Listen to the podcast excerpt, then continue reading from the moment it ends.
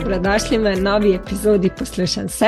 Z vami Polona, specialna pedagoginja s 15-letnimi izkušnjami. Poslušam se je vzgojno-izobraževalni podcast za vse tiste, ki vas te teme zanimajo. Eh, na svojem podkastu se tako pogovarjam s gostjami, z različnimi strokovnjakinjami eh, za vzgojno-izobraževalnega področja. Pogosto pa vključim tudi teme osebnostne rasti, ki se z vzgojo oziroma izobraževanjem zelo povezujejo. Če so ti epizode všeč, te vabim, da mi napišeš oceno, oziroma da me oceniš, naprej s petimi zvezdicami in mi tako pomagaš, da podcast epizode sliši še več ljudi. Hvala. V današnji epizodi pa sem se pogovarjala z Nastjo, soustanoviteljico portala in trgovine Bobrov svet. Nastja je učiteljica slovenščine in pedagoginje, ki se je več let ukvarjala tudi z novinarstvom, je bila tudi urednica študentskega časopisa, sedaj pa skupaj z učenci ureja šolsko glasilo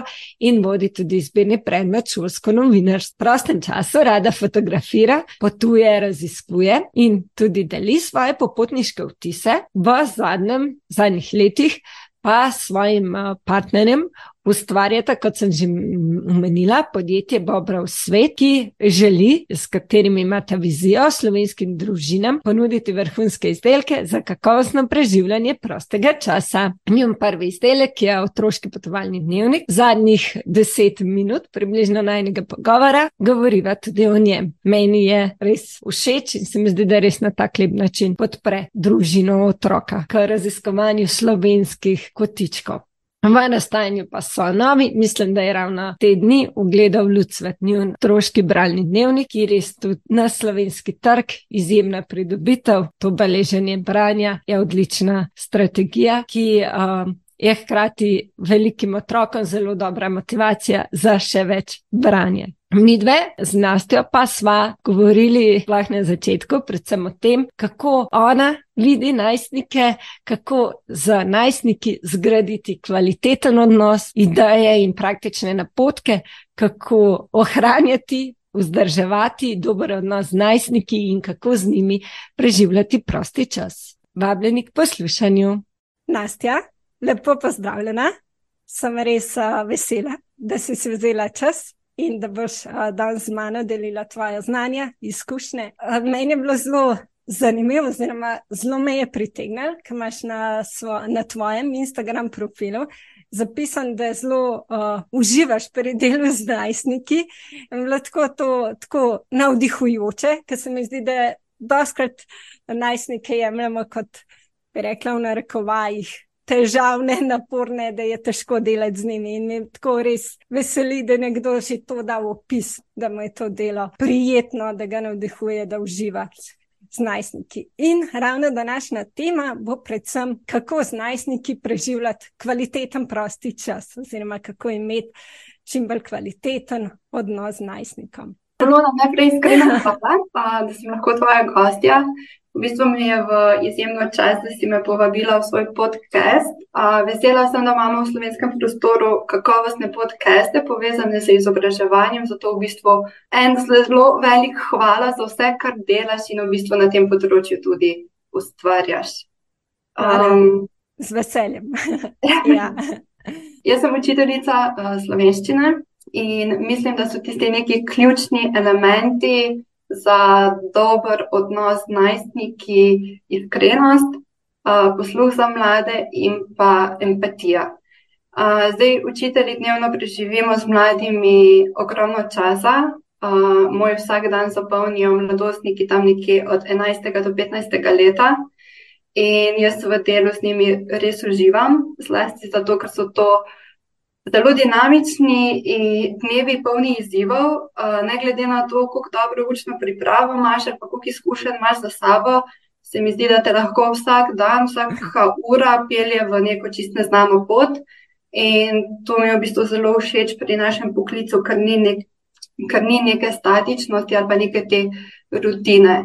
Um, mislim, da učenci zelo hitro se čutijo, kateri učitelj je iskren in kateremu učitelju je res mar za nje, mm -hmm. da zna učitelj poslušati in da je to tista pika na i, pa največ, kar lahko šteje v učilnici. Ne vem, mene so izkušnje mogoče pripeljale do tega, da sem se začela zavedati, da smo vsi ljudje, vsi imamo slabe dneve, vsi imamo dneve, ko nimamo polne energije in ne prekipevamo. In takrat nima smisla zdaj hiteti z neko učno snovjo ali pa delati nekaj nasilo. Uh, se mi zdi, da je veliko bolj življenjsko ali pa bolj pomembno, da se znamo na neki točki ustaviti, pa dati mladim čas. Čas, da so slišani, čas, da lahko ali postavijo neko vprašanje, čas, da lahko izrazijo nek dvom, uh, da mogoče povajo, da so utrujeni. Da, da pač ja. se izrazijo. Da in daš v bistvu, če te prav razumem, če lahko še eno pač umestno vprašanje, si, si tudi razredničarka, če sem te prav razumela na začetku vodnega najega pogovora. Ja, uh, potem v bistvu te njihove stiske, izzive. Pač se ne pogovarjate o njih samo na razrednih urah, ampak bi rekla, nameneš temu tudi vmes, oziroma na začetku ure, verjetno, oziroma tako kot vidiš, da je tisti dan, tisto uro potrebno, če sem te prav razumela. Če... Ja, ja, tako je. Pač se mi zdi, življenje ti tako stalo, da imamo pač nekaj te izkušnje, zdaj pa na nas učiteljih, ali bomo pač te stvari videli, pa se nam bojo zdele te stvari pomembne, ali bomo pač nekako zatrli, pa šli mimo njih. In tukaj se mi zdi, da je res, če zna učitelj videti te stiske ali pa mhm. dileme v otrocih, da jim da sploh možnost, da so slišani, da je to tisto res največ. Jaz sem se zelo dolgo ukvarjala s tem, joj, pa potem moram otroku takoj dati ne vem, nek odgovor, pa neko pomoč. Ampak sem mhm. zdaj ugotovila, eni otroci v bistvu ne pristopijo do nas z namenom, da bomo reševali njihove stiske. Mogoče je dovolj samo to, da predelajo stvari, da jih povedo na mhm. glas, da, mhm. da imajo nekoga, na katerega se lahko zanesejo. In um, so stvari, ki jih mogoče lahko narediš med poukom, so pa pač tudi stvari ali pa neke stvari, za katere otroci pridejo po pouku do tebe, da mhm. poiščajo. In se mi zdi, da je to največ, kar lahko otrokom damo. Ne samo tisto, kar jih naučimo, ker eno je pač znanje in pridobivanje ocen, nek je pa bolj tisto za življenje. No? In tu se mi zdi, da imamo mogoče učitelji bistveno večji vpliv, kot pa se ga zavedamo, uh, kako vplivamo na te mlade uh, glavice um, in pač na njihova življenja. Um, zelo, ja, ja, kar povej. Ne, hodila sem še to dodati. Mogoče jaz sem učiteljica slovenščine uh mhm. -huh. in mi je v bistvu pomembno tudi, da dam otrokom eno širino, ne samo, da jih zdaj naučim neka zgodovinska obdobja, pa stavčne člene, pa postavljanje uh mhm. -huh. vejc, ampak še nekaj več, kaj vse, kje vse lahko mi najdemo v končni fazi slovenščino ali pa umetnost. Uh, Fulm je pomembno, da jih upeljem v svet, od gledališča, filma, novinarstva, fotografije, da, da jih spodbujam pri branju, da debatiramo o knjigah, da, da spodbujam mlade pri pisanju, pri literarnem ustvarjanju. Mogoče tukaj tudi en vidik šole. Prav je, da vemo, da nimajo vsi otroci možnosti, da bi jih, ne vem, starši peljali v gledališče ali pa mm. jih peljali gledati film in se pogovarjati o filmu, ali je neki kakovostna vsebina filma ali ne. In res je pomembno, da jim mi kot šola damo možnost, da vse to vidijo ali pa spoznajo. Od njih je pa potem odvisno, ali bodo neki vzljubili, vzeli za svoje ali ne. In ko sem začela poučevati, sem se nekako odločila, da so to tudi tiste stvari, ki so mi pomembne. Ne vem, želja je, da ko bo nekdo. Mogoče v Ljubljani študiral, pa šel mimo gledališča, da bo rekel: Ah, tukaj smo pa šli v osnovno šolo, gledati neko predstavo, pa se bo spet odločil, da bo obiskal gledališče. Ali pa tudi, če nekomu zdaj neke stvari niso bistvene, mm -hmm. pomembne, ali pa jih ne vidi kot pomembne, mogoče, ko bo sam starš, da bo rekel: Ah, joj, bi svojega otroka pelal v ljudsko gledališče. Mm -hmm.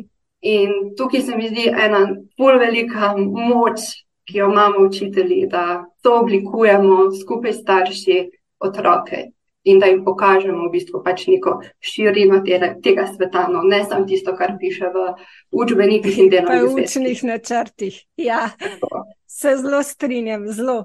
Tudi prej, ki si res rekla, ne, da imate mamo, no, učitelji res veliko pomembnejšo vlogo v življenju otrok, kot si sami kdaj predstavljamo. Že če jaz pomislim in po svojih 15-letnih izkušnjah, tudi ko sem bila razrednik 4 leta, ker učencem uh, v šoli s prilagojenim programom. Tako da, uh, ja, sem videla, kakšno v bistvu vlogo, imaš se še posebej kot razrednik, ker res si mogoče več časa še reži kot učitelj slovenščine. Imaš, res se mi zdi, da um, že če pa vse pomislim, ja, se spomnim, recimo učiteljice slovenščine iz osnovne šole in sem bila res zelo navezana na njo in mi je res dala se več, kot če zdaj spomnim, kakšno popotnico mi je dala. In uh, recimo, ko sem pač mi je ful pomenil, da par bralni znački sem lahko povedala tiste knjige, ki so meni bile bolj pisane na kožo. Pa tako res, pa če sem šla na izlet, sem šla v London, sem šla njej povedati in mi je prisluhnila in z mano oh. govorila o teh stvarih. Tako, no, res ima, uh, imamo učitli tako pomembno vlogo. No? In si to klepo upisala, da, da pač prisluhneš, uh, da daš pač še več za življenje, kot ja, se je znanje izjemno pomembno, pa da damo določene osnove, se zelo ja. strinjam. Uh, hkrati se mi zdi pa res, da ta del sploh ne smemo pozabiti, da je zelo, zelo pomemben, da, nis, da ne gremo sam, moramo to, pa to, pa to, ampak ja, da tudi učenci začutijo, če imamo, tako kot si ti rekla, empatijo, če, če imamo en tak povezan odnos z njimi, da to je res tisto bistveno. Pa pa lahko tudi znanje lažje pač eh, gre v glavo oziroma jih doseže. Um, da, ja, pa hoče zlasti v tem, teh časih, no, ko vrednota tega našega poklica res pada. Uh -huh. Pa, pa mogoče tudi uh, sami učitelji se ukvarjamo z nekimi stvarmi, ki v bistvu si jih nismo čisto predstavljali, da bojo naše mm. delo in pa tok neka administracija. Ja, je bolj to tista češnja na vrhu torte, no, ki te pač vleče dalje, no, pa ti, pa ti daje voljo do tega poklica ali pa željo, da vztrajaš v tem poklicu. Ja, ja glej, to sem odla reči, da tudi odzivi v bistvu otrok, učencev nas polnejo kljub pač eh, drugi, recimo, birokratskim zadevam, ki jih je velika. V bistvu več, smo se za to odločili, uh, zaradi pač, uh, ljubezni do otrok. Je pač večina učiteljev se odločila, ljubezni do otrok in počevanja. Uh, ja, mogoče, ker bomo danes govorili tudi o prostem času, me zanima, kako ti vidiš uh, veliko imaš tudi na to temo uh, na uh, Instagram profilu oziroma na socialnih omrežjih, nekaj tudi na uh, blogu. Dobro, v svetu me zanima, kako pač, kaj so tista vodila, ki, ki jih ti, recimo, za prosti čas najstnikom bi priporočala, oziroma jih mogoče priporoča staršem tudi.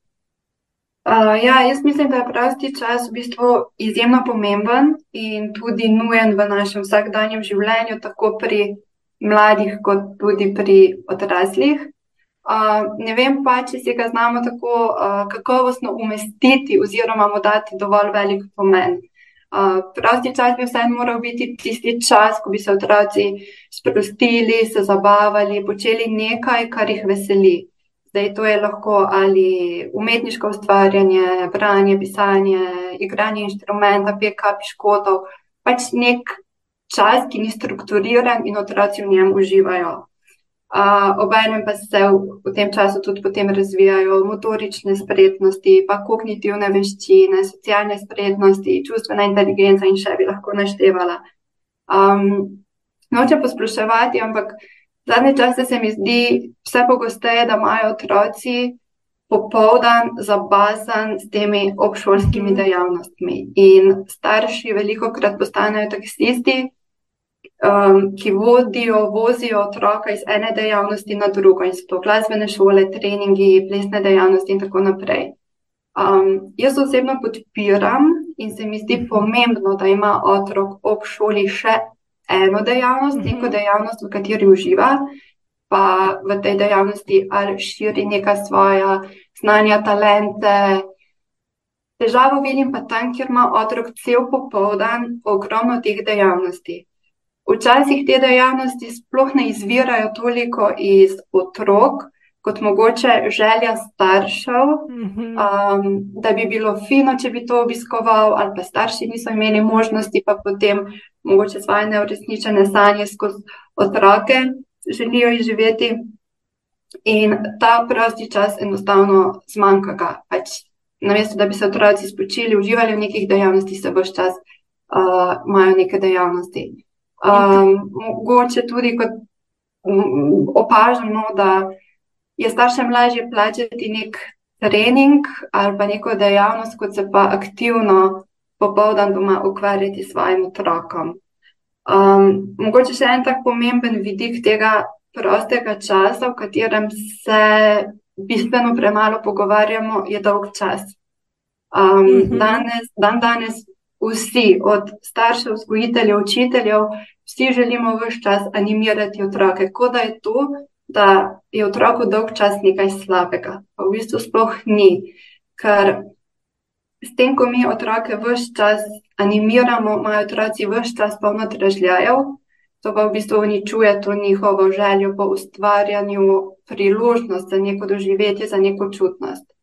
Um, tako da se mi zdi, da bi morali večkrat dovoliti otrokom, da jim je dolg čas, da se sami zamotijo, da njihova domišljija dela na polno, da sami iščejo neke rešitve na probleme, ne pa da vse čas starši ali pa neka odrasla oseba v njihovih življenjih ustvarjamo neko umetno okolje in pač iščemo te ražljaje.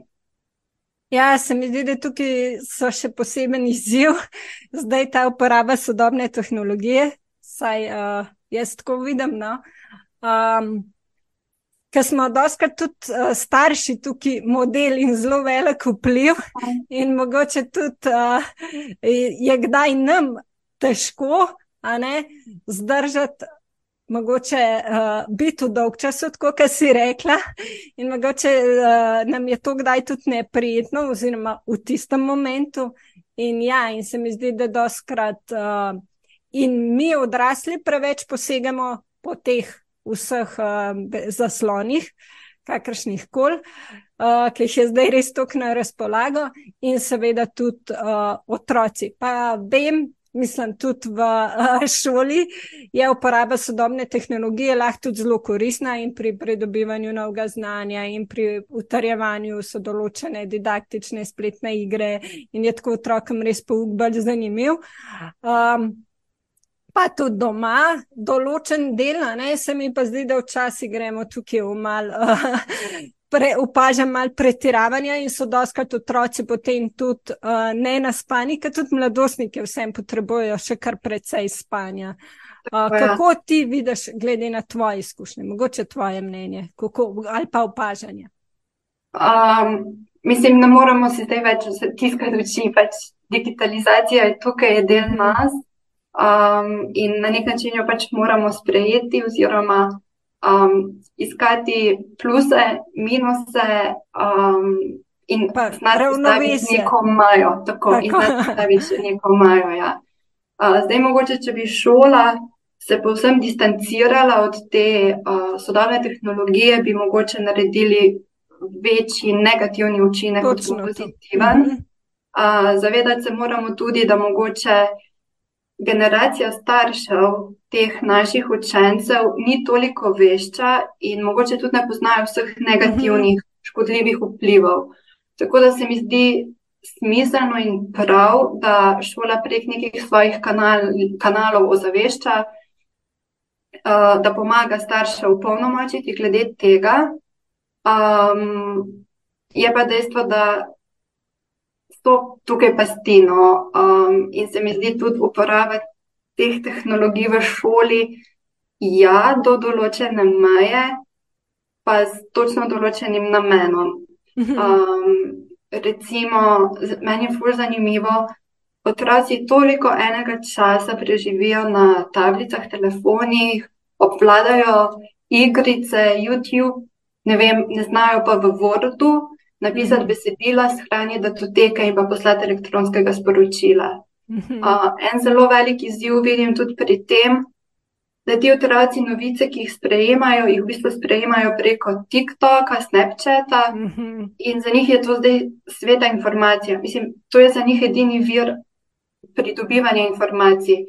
In tukaj je ključna vloga odrasle osebe, ali je to učitelj ali starš, da jim znamo postaviti tudi neko sito, pač da jim pomagamo Mhm. priti do tega, kje iskati podatke, ali je vse, kar vidijo, resnično, koliko je zdaj teh fake news.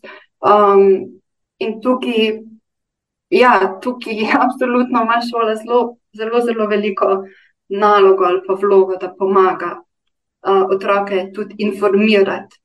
Um, zdaj, koliko jaz uporabljam to tehnologijo, uporabljam jo ali za kako vodno motivacijo, uporabljam jo za mogoče neko ponavljanje, utrjevanje snovi ali pa dodatne vaje. Sem pa nekako še mogoče ta old school učiteljica, ki pa še vseeno strajam na tem, da spisi, domače naloge se napišajo s prosto roko.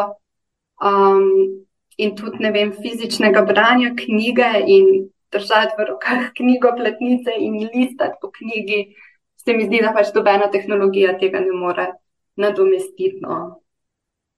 Ja, se zelo strinjam, tudi pisanje z rokama, tudi glede recimo specialno-pedagoškega Tako. vidika, zelo, zelo koristi, veliko, veliko takih uh, koristi za možgane. Ne, in recimo tudi pri učencih, ki imajo tako imenovano disleksijo, ne, Ja. pravijo, da, da potrebujemo, ker jim je sicer doskrat lažji, da recimo pišejo potem kasneje, na, sploh v srednji šoli na računalnik, pa je vsem tudi za njih zelo pomembno, da, da pač določen del, da iščemo to ravnovesje, no?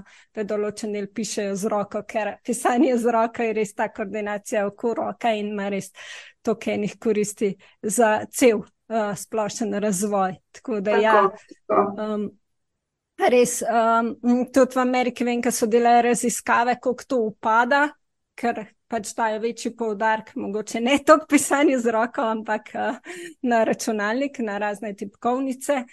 Uh, ja, so rezultati potem pač in akademski, in tako uh, res veliko slabši, kot so bili pač par desetletij nazaj, ko to ni bilo tako v porastu. Tako da ja, se. Pa se tukaj, če lahko. Aha, ja, ja, ja, prvo sem, sem. hotela v bistvu še to dodati. Mogoče tudi ena stvar, kateri še ne govorimo veliko, pa bi si upala trditi, da je povezano z uporabo ekranov. Um, posledice, ki jih v bistvu že ima ekran, igranje igric na te naše osnovnošolce.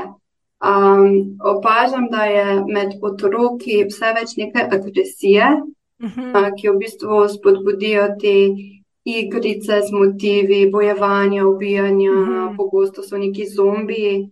A, tudi mogoče mešanje tega fiktivnega in realnega sveta, ker v nekem fiktivnem svetu je veliko kaj, dovo, marsikaj dovoljeno in otroci ne nosijo posledic za neka dejanja, medtem ko v realnem svetu se potem otroci ne zavedajo, da nasilje boli, da Mm. krde besede so izrečene in zdaj moramo nekaj storiti, da bomo to popravili.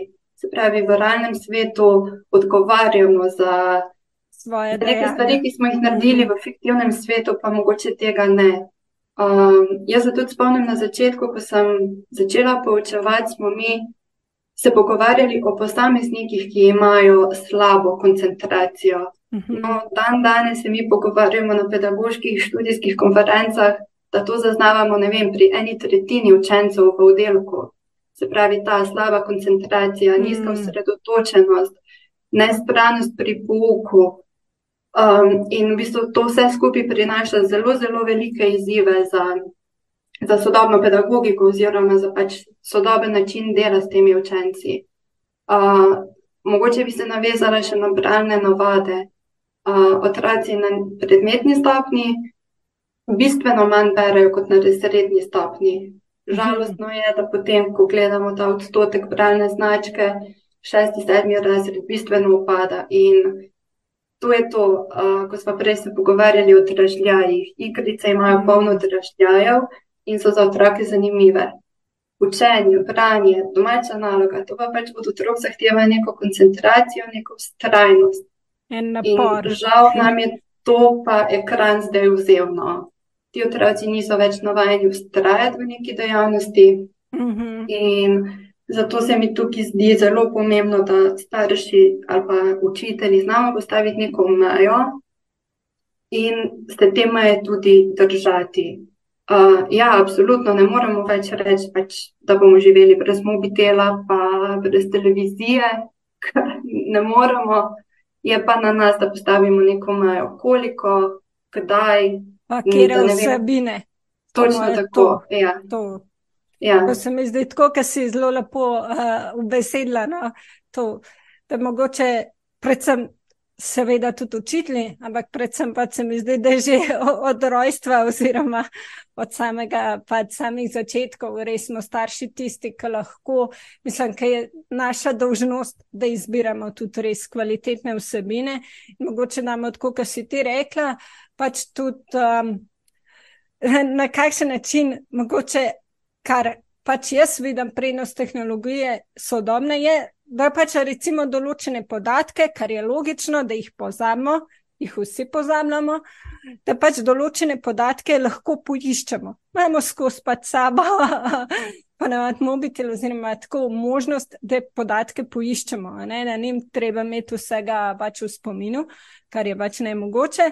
Se mi zdi, da, da res, koga si rekla, ali pa napisati mail, te stvari, te veščine so tudi potem za poklice no. sedanje bistvene, nujne, življenjske, se mi zdi, da mogoče res pač te starši, da tudi se na starše, oziroma pač te se jih tudi strani mogoče učitelj ali pa se zdaj doskrat res šolske svetovalne službe um, tudi povabijo, recimo SafeC oziroma te različne organizacije, ki to zaveščajo, ampak ja, se mi zdi res pomembno, da smo ozaveščeni v tem, da je res bistveno, kot si rekla, Maja, uh, pa mogoče res pa najstnikih lahko že mogoče v dogovoru z njimi, um, uh, katere vsebine, koliko, pa mogoče res tist, ko je enkrat tista meja dosežena prekinitev. Uh, tako, tako. Uh, tako da ja, pa mogoče ne, da ne, ne nagrajujemo oziroma kaznujemo uh, pač s tem, no, to je moje uh, mišljenje. Tako da, ja, ker naredimo ti še bolj privlačno, oziroma ja, še bolj zaželjeno, če bi recimo uh, kazno, tako kaznovali, zdaj pa to ne boš gledal tega ali pa kakorkoli, če, uh, če ni to direktna posledica. Mogoče, um, ker smo že tukaj. Kaj bi pa ti potem, uh, recimo, ko se pogovarjate, se tudi uh, na razrednih urah verjetno kdaj pogovarjate o tem, kako pač, ko imate, uh, te kdaj vprašajo, ali pa kdaj vidiš, mogoče, da je kdo pač zaspan, pa mogoče pač vem, da učitelji več kot pač rečejo, predvidevam, da je ta pa ta igra, v igrice že si mal uh, pač uh, v pogovoru zaznajo. Se tudi v razrednih urah o tem pogovarjate in mogoče pač poveš tudi alternative, oziroma kako to poteka, mogoče tako, kako po tvojih. Če. Ja, uh, je dobro, če se o tem pogovarjamo kot cela skupina, uh mhm. -huh. ker je zabavno poslušati tudi učence med seboj. Uh -huh. Nekdo, ki reče: Ja, meni pa mami vse dovoli, jaz pa lahko cele mhm. dneve lahko počnem, kar uh mhm. -huh. želim v bistvu, kako potem tudi sošolci to dojamejo, ali pa mhm. mogoče sošolci rečejo, čakaj, ne, mislim, jaz svoje mame sploh ne upam vprašati, če lahko, mhm. ne vem, igram igrice, če pa imamo naslednji dan test pri matematiki, mhm. več ne vem, karikiram. Um, tako da že en ta vpliv sovr, sovrstnikov je zanimiv. Mhm. Mhm. Zdaj, kot učitelj, jaz lahko marsikaj povem, pokažem. Delamo mm -hmm. tako, kot je že omenila, efikasi, se pogovarjamo, tudi igranje te igre vlog, ko pride ne vem, do nekega medvrstniškega mm -hmm. nasilja. Se mi pa zdi, to je res ena stvar, ki se začne in v končni fazi konča doma. Mm -hmm. In ja. kadar ima mm -hmm. učitelj podporo starša, uh, mm -hmm. kadar starš sodeluje šolo, se mi lahko iskreno pogovarjamo in starši cenijo učitelja, takrat lahko marsikaj naredimo. Si pomagamo, se pogovarjamo, vključimo otroka. Tam, kjer pa tega sodelovanja ni, je pa zelo, zelo težko. No. Um, opažamo zlasti tam nekje deveti razred, da otroci hodijo za spanje v šolo, da nam zaspijo v šoli, mm -hmm. domalice so utrujeni. In pa se tukaj vse skupaj povezuje. Premalo spanja, otrok nima zjutraj zajtrka, uh, starš nima kontrole nad svojim otrokom, kaj počne, kdaj gre spat, po katerih vsebinah posega.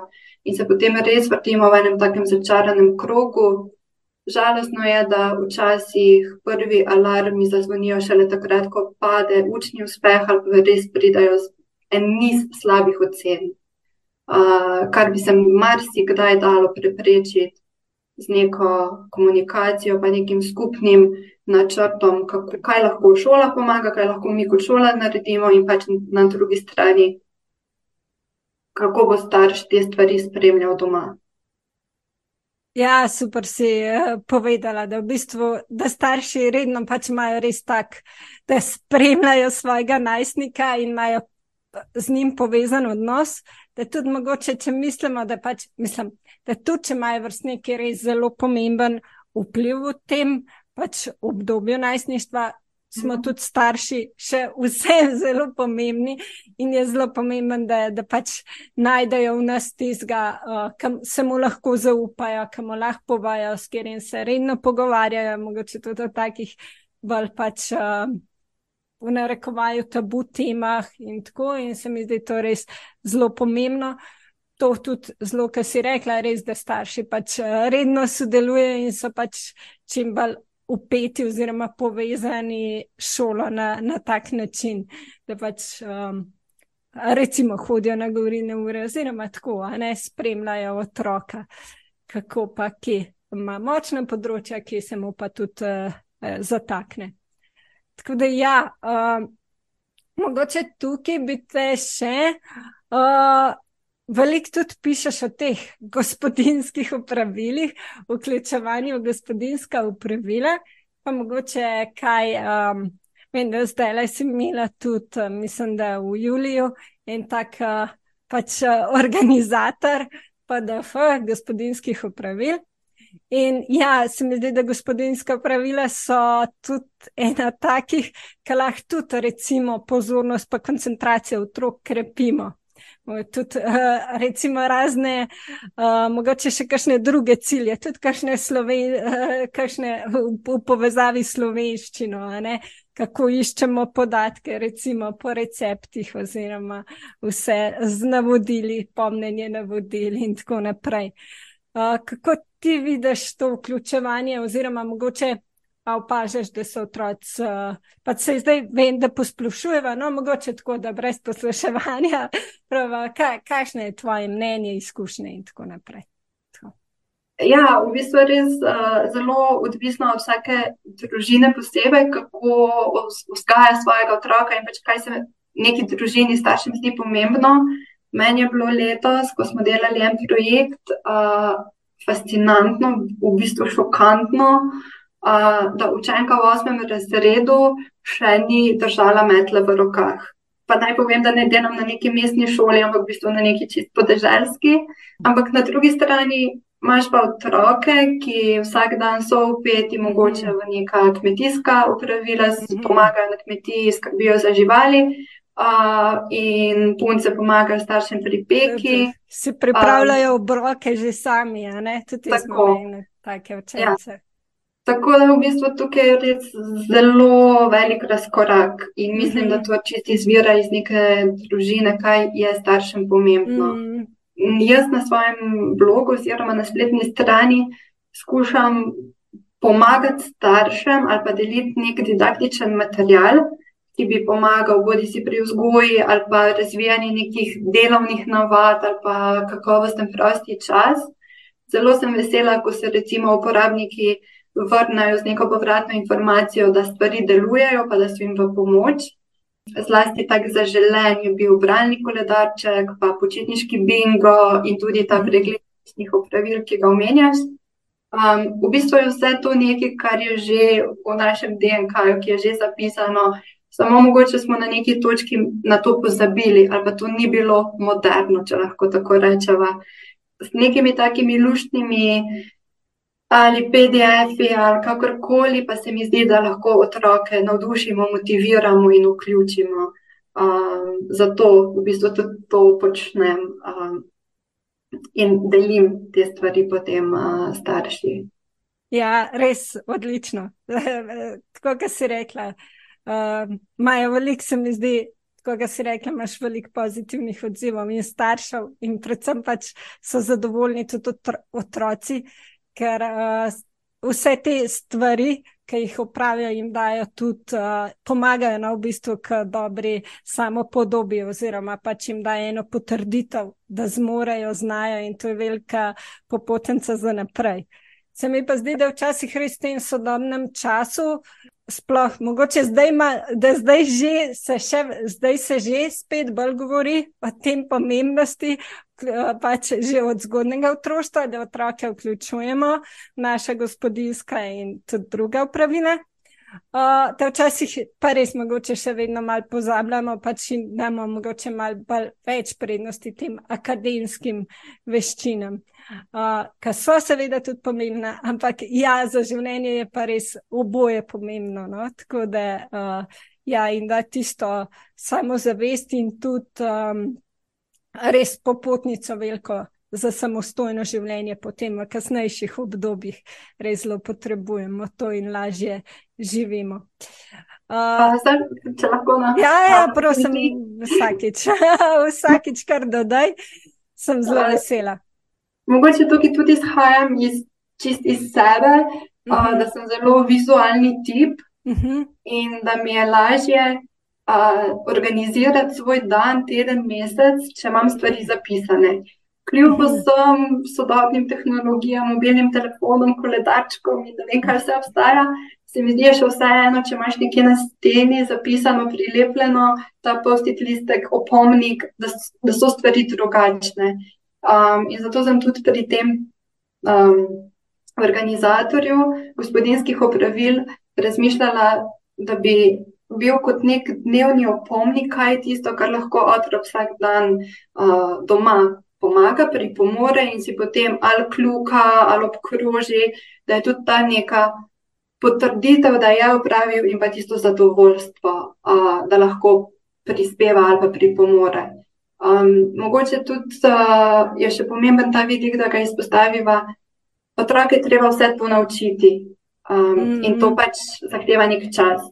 Um, mogoče prvič, ko bo otrok zalil rože, jih bo premalo, jih bo preveč, ampak spet ključna vloga odrasle osebe, da ne obupa, ampak pač da otroke učimo, kako mu pokažeš, mu dvakrat pokažeš, tretjič mu pa zaupaš in pač želi, ali pa ga spremljaš v zadju, no in potem s časoma otrok pridobiva na tej samostojnosti, organiziranosti. In spet, vse to so neke veščine, ki se začnejo doma, Pa že v zgodnem okolju. pa mogoče že v zgodnem obdobju, pa da takrat, pri, da takrat mogoče pričakovanja prilagodimo starosti in res, mogoče na začetku začnemo z majhnimi koraki. Absolutno. Uh, recimo, že malčki so v bistvu zelo, zelo radi vključeni, mogoče še bolj kot potem v kasnejših obdobjih. In res, uh, mogoče je dobro, da jim že takrat ponudimo določene priložnosti, mogoče tudi z rokovanjem. Vem, da je tudi ena učiteljica v petem razredu in letos rekla, da je ena učenka šele v petem razredu prvič prijela noša. Ne? Vse to so veščine, ki jih res lahko že, mogoče pri malčku oziroma prečovskem otroku, postopoma po korakih z različnimi nožki, mogoče pač ponudimo in um, res nas že takrat lahko malčki. Zelo presenetijo, kaj vse zmorejo, in se mi zdi, da je to, da je tako, kot si rekla, in damo priložnosti, in nismo takrat preveč uh, kritični, ker se mi zdi, da je potem za otroke teže, da včasih se pa pojavi tudi po pripovedovanju drugih staršev ali pa učiteljev, mi kažna reče, da je potem starši, recimo pri desetih, ki pa prvič ponudijo, so pa pol kar mislijo, da pa otrok more znati, čeprav Tako. mu je bilo šele zdaj prvič ponujeno. Pač ja. ne bo šlo, bo težko. Ne, ne, a ne se tudi mi, če neki se čez prvič lotimo, nam ne gre. Pa ja, nikoli ni tako prepozno, tudi če smo bolj pozno začeli, ampak ja, da smo takrat pa mogoče še bolj potrpežljivi, pa da vse en to poskusimo. Uh, pa mogoče na tak način, da je otrokom, tako kot si ti rekla, uh, za bolj zabavno, bolj prijetno. Kar dodaj, prosim. ja, ne, to sem hodila še dodati. Jaz v bistvu malčki posnemajo starša z zgledom, z tem, kar vidijo. In če bo mogoče starš znal stvari prikazati skozi nek zabaven način, bojo otroci tudi neko stvar, v neki stvari videli, mogoče bolj zabavo. Pa ne mislim zdaj, da nam mora biti vsem kuhanje in pospravljanje zabavno, mm. ampak če že mi v bistvu odrasli vse jemljemo z neko muko in nekaj, kar je nujno potrebno in na tak način prikažemo stvari, bomo že v samem štartu otrokom nekaj prikazali kot slabega, kot nujno, kot dolgočasno. Mm. Uh, in se mi zdi, da je mogoče tu ta dodana vrednost, da, da pač skušamo polno močiti, da so las stvari tudi zabavne na tak način. Ja, res, te, v bistvu ta. Naše razmišljanje o tem, naš mindset o tem, kako Tako. lahko naredimo, recimo, mogoče tudi, rekla, uh, ne, na obveznosti bolj zabavne. Ja, in res vključimo otroke na tak način, kot takrat lahko, da jim, v bistvu, da jim prisluhnemo in jih spremljamo, opazujemo, kaj že zmorejo in znajo. Super, hvala tudi za ta dodatek. Ja, o tem, kako miselno, da to res zelo vpliva, kako prikažemo, da smo tudi s tem zelo veliko zgled. V bistvu. Pač vem, da imaš ti že pet let izkušenj, pa me zanima, ker vem, da podcast poslušate neki učiteljci pa mogoče tudi kakšna študentka. Kaj bi ti mogoče svetovala, kakšni študentki ali pa tako, kaj bi svetovala pri delu z najstniki, kaj ne bi tisto vodilo ali tisto nekaj, kar naj jo vodi? Pa, če to vprašanje sicer ne, pač je dodatno malo. ja, ja. Um, v bistvu predvsem to, no, uh, učitelj ni neki, kar postaneš z diplomo, oziroma z magisterijem in strokovnim izpitom, ampak je pač potreben čas, da, da se najdeš. Uh, na začetku svoje poti absolutno delaš napake, um, zato da, da se pač iz tega sploh lahko kaj naučiš. Uh, tako da se pač sposobno. Tudi je dejstvo, da ni, ne bo vedno neka skupina otrok enako sprejemala stvari. Mm -hmm. Lahko pride generacija otrok, s katero se zelo, zelo dobro razumeš, lahko pride generacija otrok, ki, s katero se pač enostavno energija ne poklopi in ne bo tako prijetno delati. Uh, so posamezniki, s katerimi se lahko ful dobro ujameš in super delaš, lahko so posamezniki, ki, ki, v katere bo treba več vlagati in časa in truda. Um, predvsem pa biti v prvi vrsti iskren do sebe, pa spoštovati otroke kot neke enakopravne odrasle uh, ljudi uh, s svojimi plusi in minusi, in potem tukaj dalje pelati zgodbo. No. Uh, tako sem na začetku rekla, se mi zdi, če smo učitelji iskreni, če imamo to empatijo do otrok, pa posluh za nje, se da marsikaj. Um, končni fazi ni pomembno samo tisto, kaj ob koncu leta naučimo, ampak mogoče tudi tista popotnica, ki jim jo damo za kasneje.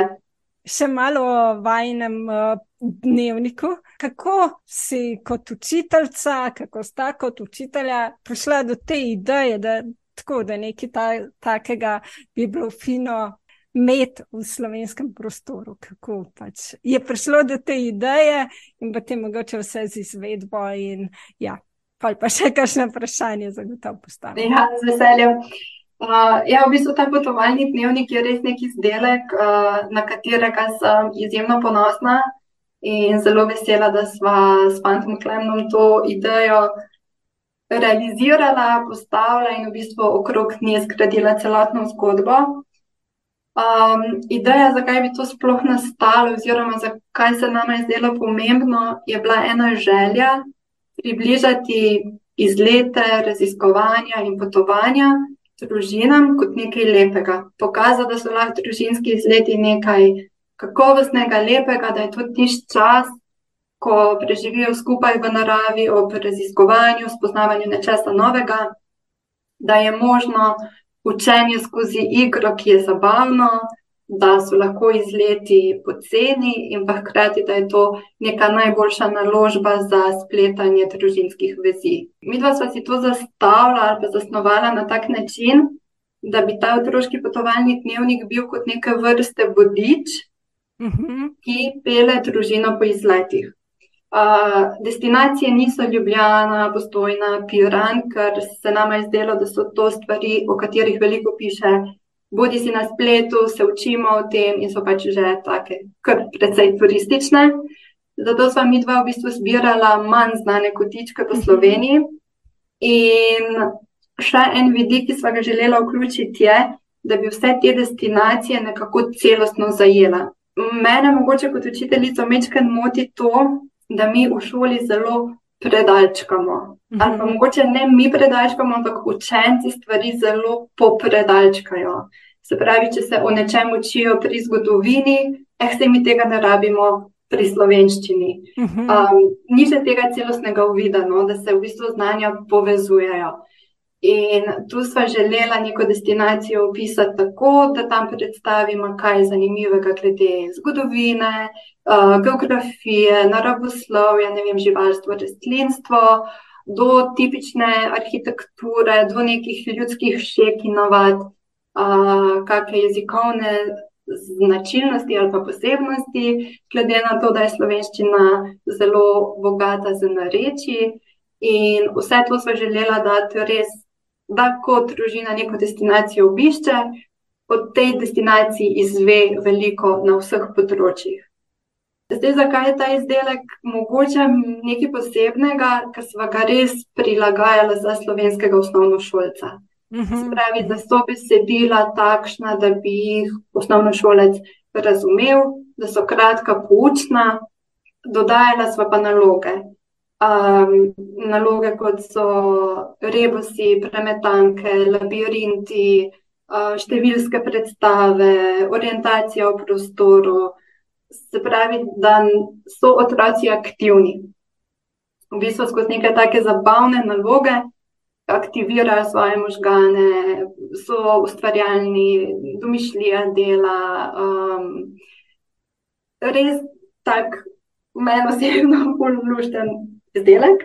Super je to, ker nima neke časovne omejitve. Uh mhm, -huh, jih že. Uh -huh.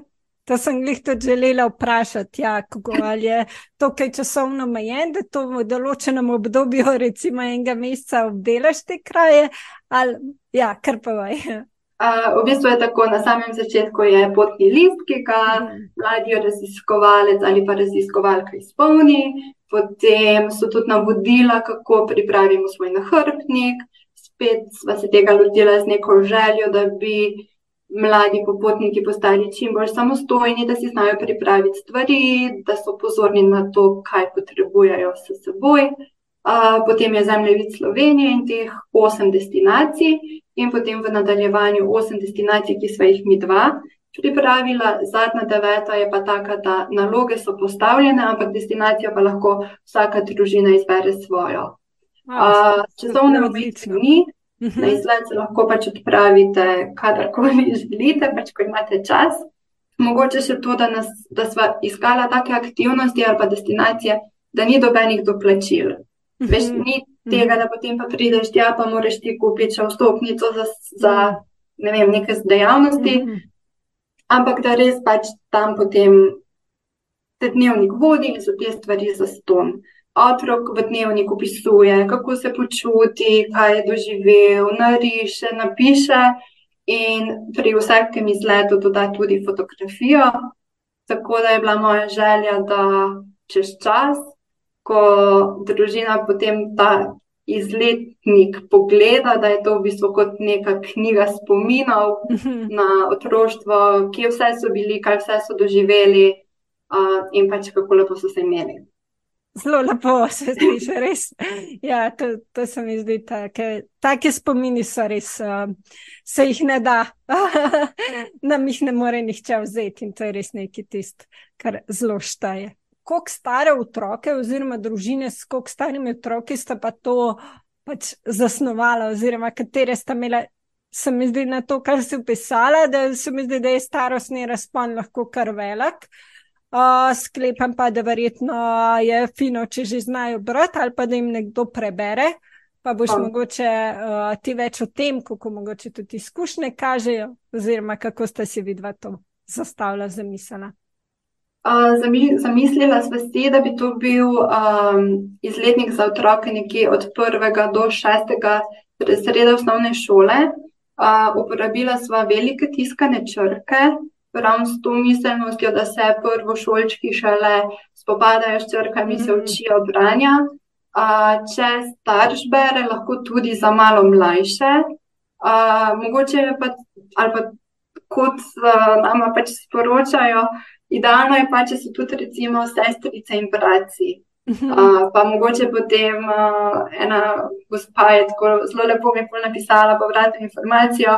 Zdaj imamo izlete sredi tedna in vsi nekaj počnejo. Najstarejši bere, potem mlajša hči barva, najmlajša rešuje labirinte in premetanke. In res to je tisto, no, kar smo želeli, da, pač, da, da so vsi aktivni, no, da se cela družina poveže občutek imam, ko se pogovarjam s svojimi prijatelji, ki imajo otroke, ali da izleti so zelo, zelo dragi, mhm. ali pa kam pa naj sploh peljemo in kaj naj tam počnemo. Dve taki glavni vprašanji ali pa miselnosti, ki sta naj zelo pogosto spremljali in želela sva res tem dnevnikom pokazati, da če družina doma pripravi bidone z vodo, vzame si boj, ne vem, sendviče in jabolka. Je edini strošek, ki ga imaš, pravzaprav gorivo, pa še to se ti ne rabiš pelati na drug konec sveta, da doživiš neko lepo zgodbo. No. Imamo v bistvu doma v Sloveniji izjemno veliko čudovitih kotičkov. Se strinjam, da ta dva ni da nekako zavreči. Super si to tudi opisala in tako res uh, nas popeljala. Mogoče je, si tudi, ki v bistvu pa dela z najstniki, imaš tudi kakšno izkušnjo, da je tudi starejši, kljub temu, pač, da so velike tiskane črke, lahko si to verjetno po svoje, da lahko en del dnevnika vzamejo. Ali, tako, ali pa mogoče. Uh, Kakšna aktivnost, verjetno je tudi tako, kot si rekla, da, da so bili v bistvu tri otroci vključeni, mogoče avtomatsko, tudi tako odvisno od otroka. Nekoga bolj, recimo, labirinti pritegnejo, nekoga bolj premetanke in tako. Kako so tvoje izkušnje, da se da tudi verjetno starejše vključiti? Ja, absolutno. Mislim, tudi odrasli so rekli, da bi ga uporabljali. Zase, da je uh, zanimiv, ustvarjalen, pač vključuje tudi veliko novih informacij. Um, tako da tukaj se mi zdi, da ni mogoče te. Zgodne meje, uh, da tudi te velike tiskane črke ne bi zdaj zmanjšale um, motivacije starejših. Uh, je pa zanimivo, no, ko včasih pokažemo dnevnik ali pa te naloge odraslim, ali pa na drugi strani imamo otroke, kako smo res odrasli ljudje, že, um, kako bi se izrazila, v nekem tem odraslem svetu in vse mora biti tako, tako. Otroci pa zelo hitro neke logične naloge rešijo, zato ker še nimajo teh vseh preprek, ki jih imamo odrasli v svojih glavah. In se res prepustijo domišljiji in svoji otroški razigranosti in te naloge res hitreje rešimo kot odrasli. Ker odrasli kompliciramo in joj, kaj je to, je pa mogoče res za čist neke take logične naloge, kjer otroci vodijo. A, ja, pač imajo boljš to razmišljanje. Absolutno. Mi smo že bolj v boksu, tako mora biti. Tako, tako. Ja. In, in nam je težje iti van iz tega. Tako da, zelo zanimiva informacija. Uh, smo pripravili vse rešitve, tako da um, lahko starši uporabijo to uh, skrito taktiko in potem s QR kodo pridajo do vseh rešitev in potem pokažejo otrokom, nekaj prav. Ne. Uh, tako da rešitve so, no, če, mhm. bi, če bi bile potrebne, so. Če bi bile zagata. Super. Tako. Je mogoče še kakšno vprašanje, ki smo ga izpustili, oziroma si še kaj želiš dodati, kar nismo povedali? Si še kaj takega? Ne, mogoče samo res ena spodbuda na koncu uh, staršem, ki poslušajo ta podcast.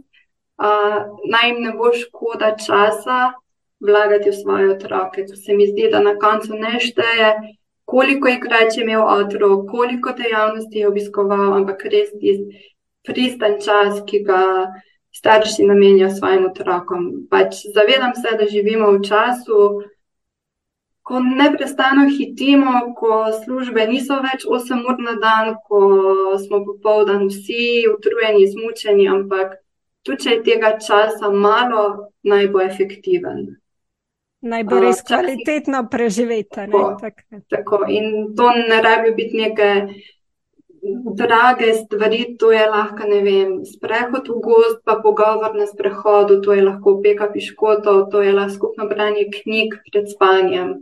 Um, seveda pač odvisno, koliko so otroci stari, ampak res v tistem najbolj zgodnem otroštvu je pomembno, da postavimo te dobre cilje, ki se nam bo obrestovalo. Temelje.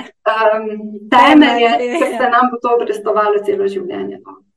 Ja, res. Res se absolutno strinjam, zelo, zelo. Pa se mi zdi, da je to skupno branje, no, sicer moja hči je še mlajša, ampak da je skupno branje tudi pri mogoče, tudi pri mal starejših, mogoče tudi pol v nižjih ali pa pol tudi mogoče. Tudi kasneje lahko hranimo, ne? pa drugače, kakšno petje, ples skupno. To, kar, pač to, kar vidimo, da nas uh, in otroka in nas sprošča, da uživamo skupaj. To se mi zdi res. Tako, in v bistvu tudi povezuje. Tako, ja. tako. To. Uh, ja, pa, pa uh, mislim, da so uh, to uh, um, temo nekako uh, zaključili, pripeljali do konca. Se ti še enkrat res zahvaljujem uh, za čas, ki si, si ga vzela uh, in za, ta, za te informacije uh, in delitev tvojih izkušenj in znanj. Res uh, dragoceno. Hvala. Ja, hvala tebi za povabilo in veliko uspeha s podcastom še dalje. Ja, hvala. Hvala za poslušanje in se slišimo malo.